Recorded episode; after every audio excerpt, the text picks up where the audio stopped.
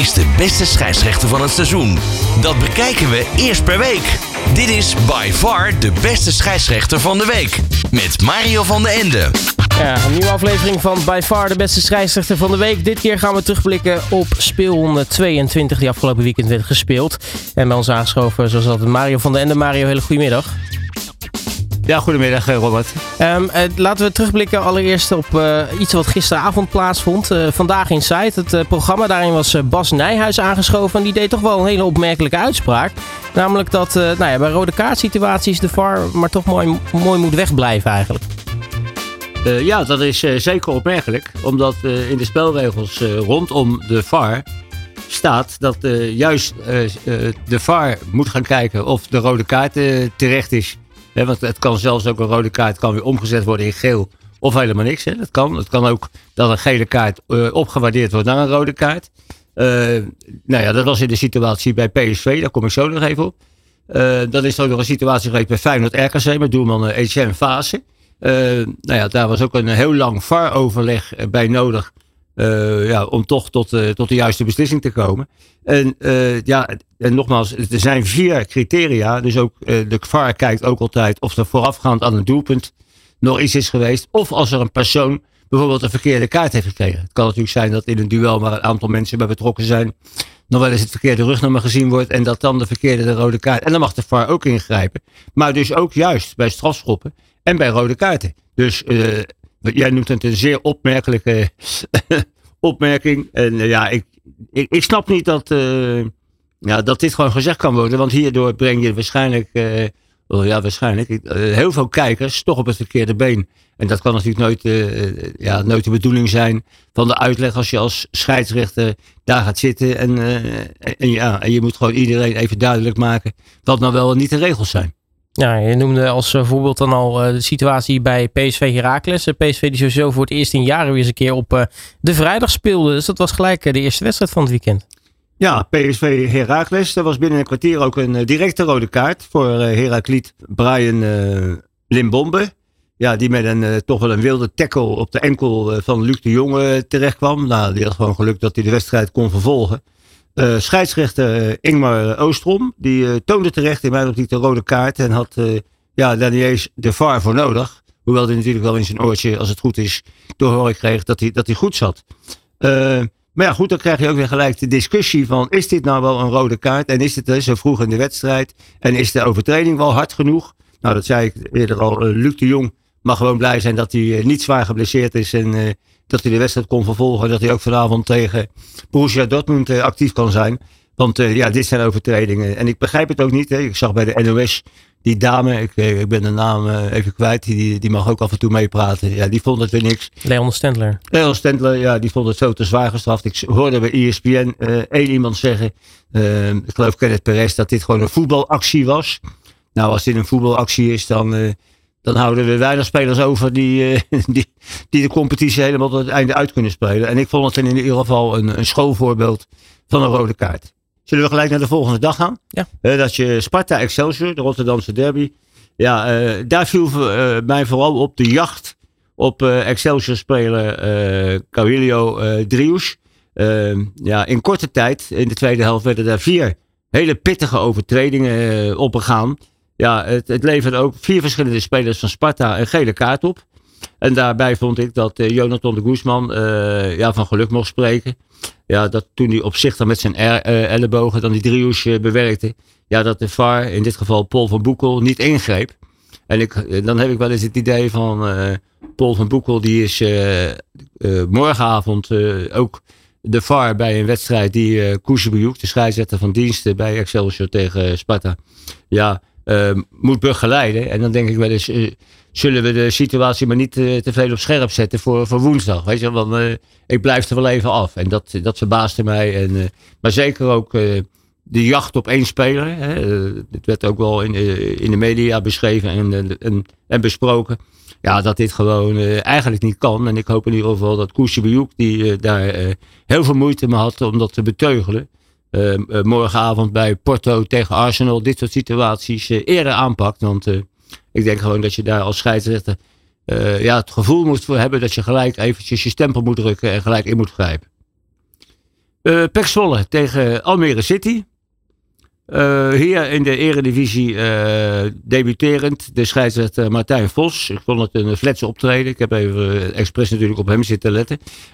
niet, niet slecht, maar dat ik zeg van... hé, hey, we hebben weer een, ja, een, reizende ster. Dat, moet, dat moeten we nog maar even afwachten. En ja, er waren toch een aantal situaties die ik denk... als je bij de evaluatie die nog even onder de loep moet, moet nemen. Dat was allereerst toen...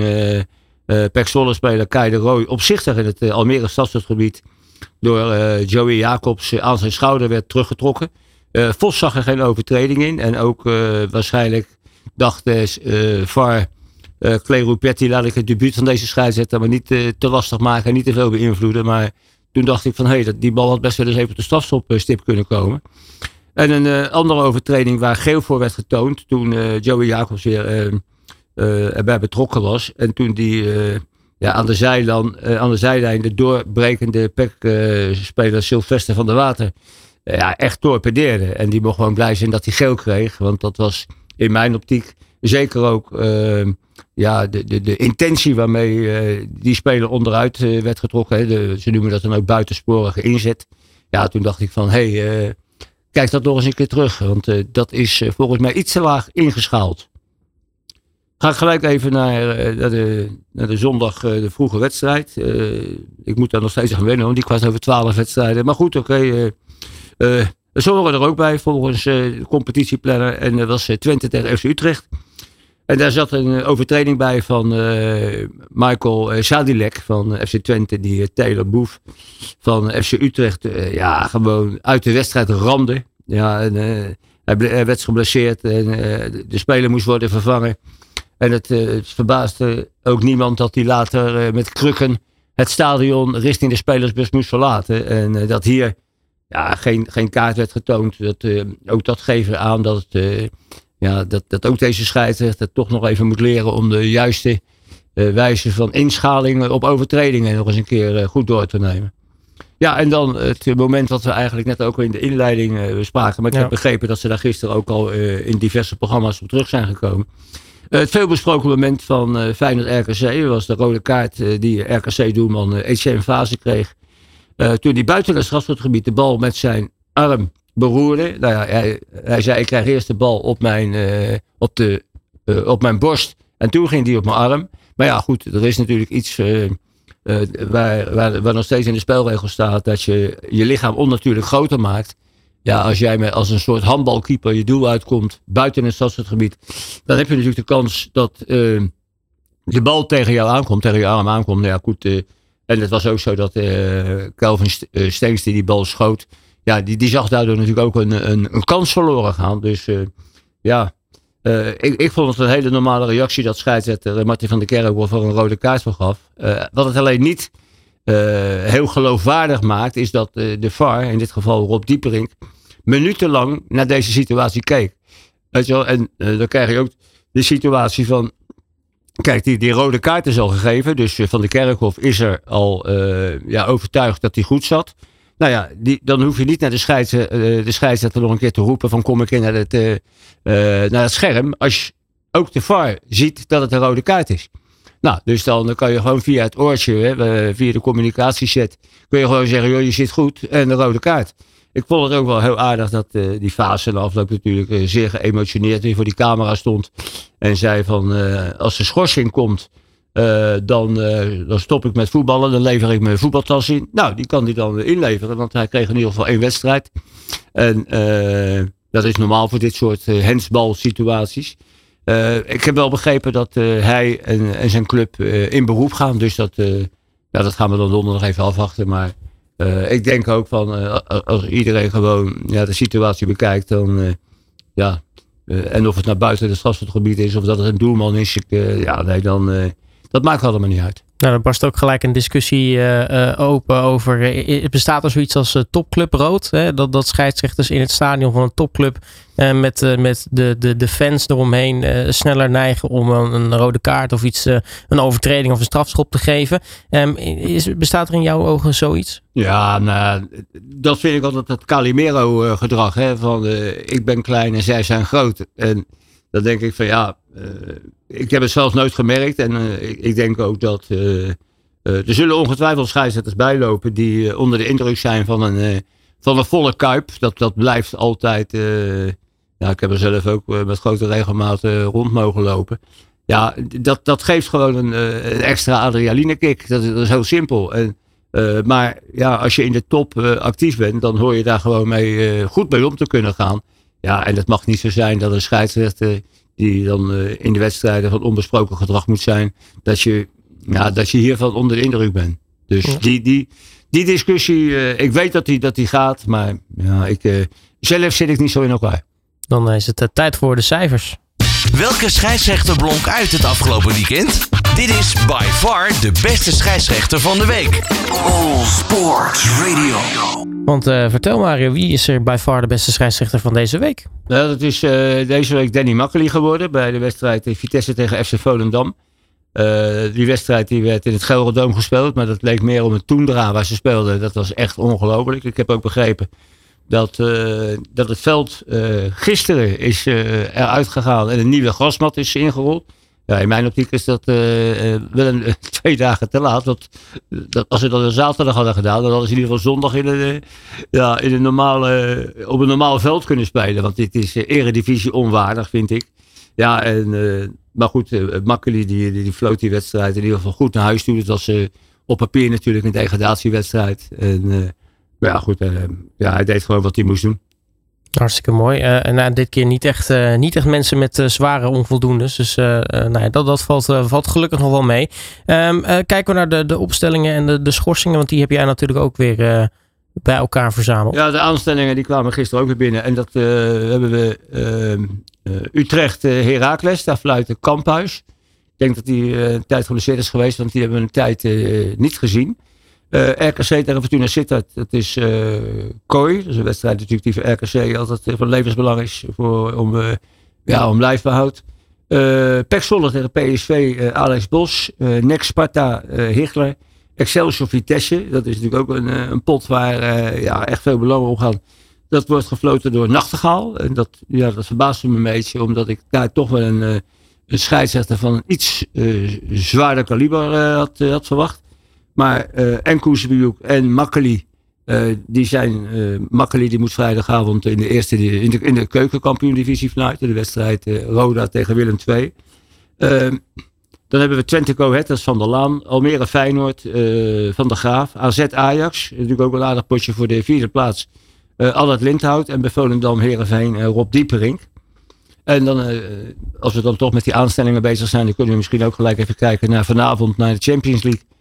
Waar Inter Milan tegen Atletico Madrid door de Roemeen Kovac wordt geleid. En PSV Borussia Dortmund door Zredan Jovanovic, een Serviër. Uh, die, die staat nogal bekend om een gele kaarttrekker te zijn. Dus nou ja, ze zijn gewaarschuwd. En morgen hebben we dan uh, Napoli tegen Barcelona. Dat is natuurlijk een hele mooie affiche met de Duitse zwaaier. En Porto Arsenal, die wordt dan geleid door uh, Serdar Dat is natuurlijk ook een affiche waar wel mee voor de dag kunt komen. Maar wat ik al zei, ik, ik hoop in ieder geval dat die de les van afgelopen week hè, met uh, Excelsior, dat die speler uh, de jacht op, de, op, op Driehoes, ja, dat dat morgen in, uh, ja, in Porto niet plaatsvindt.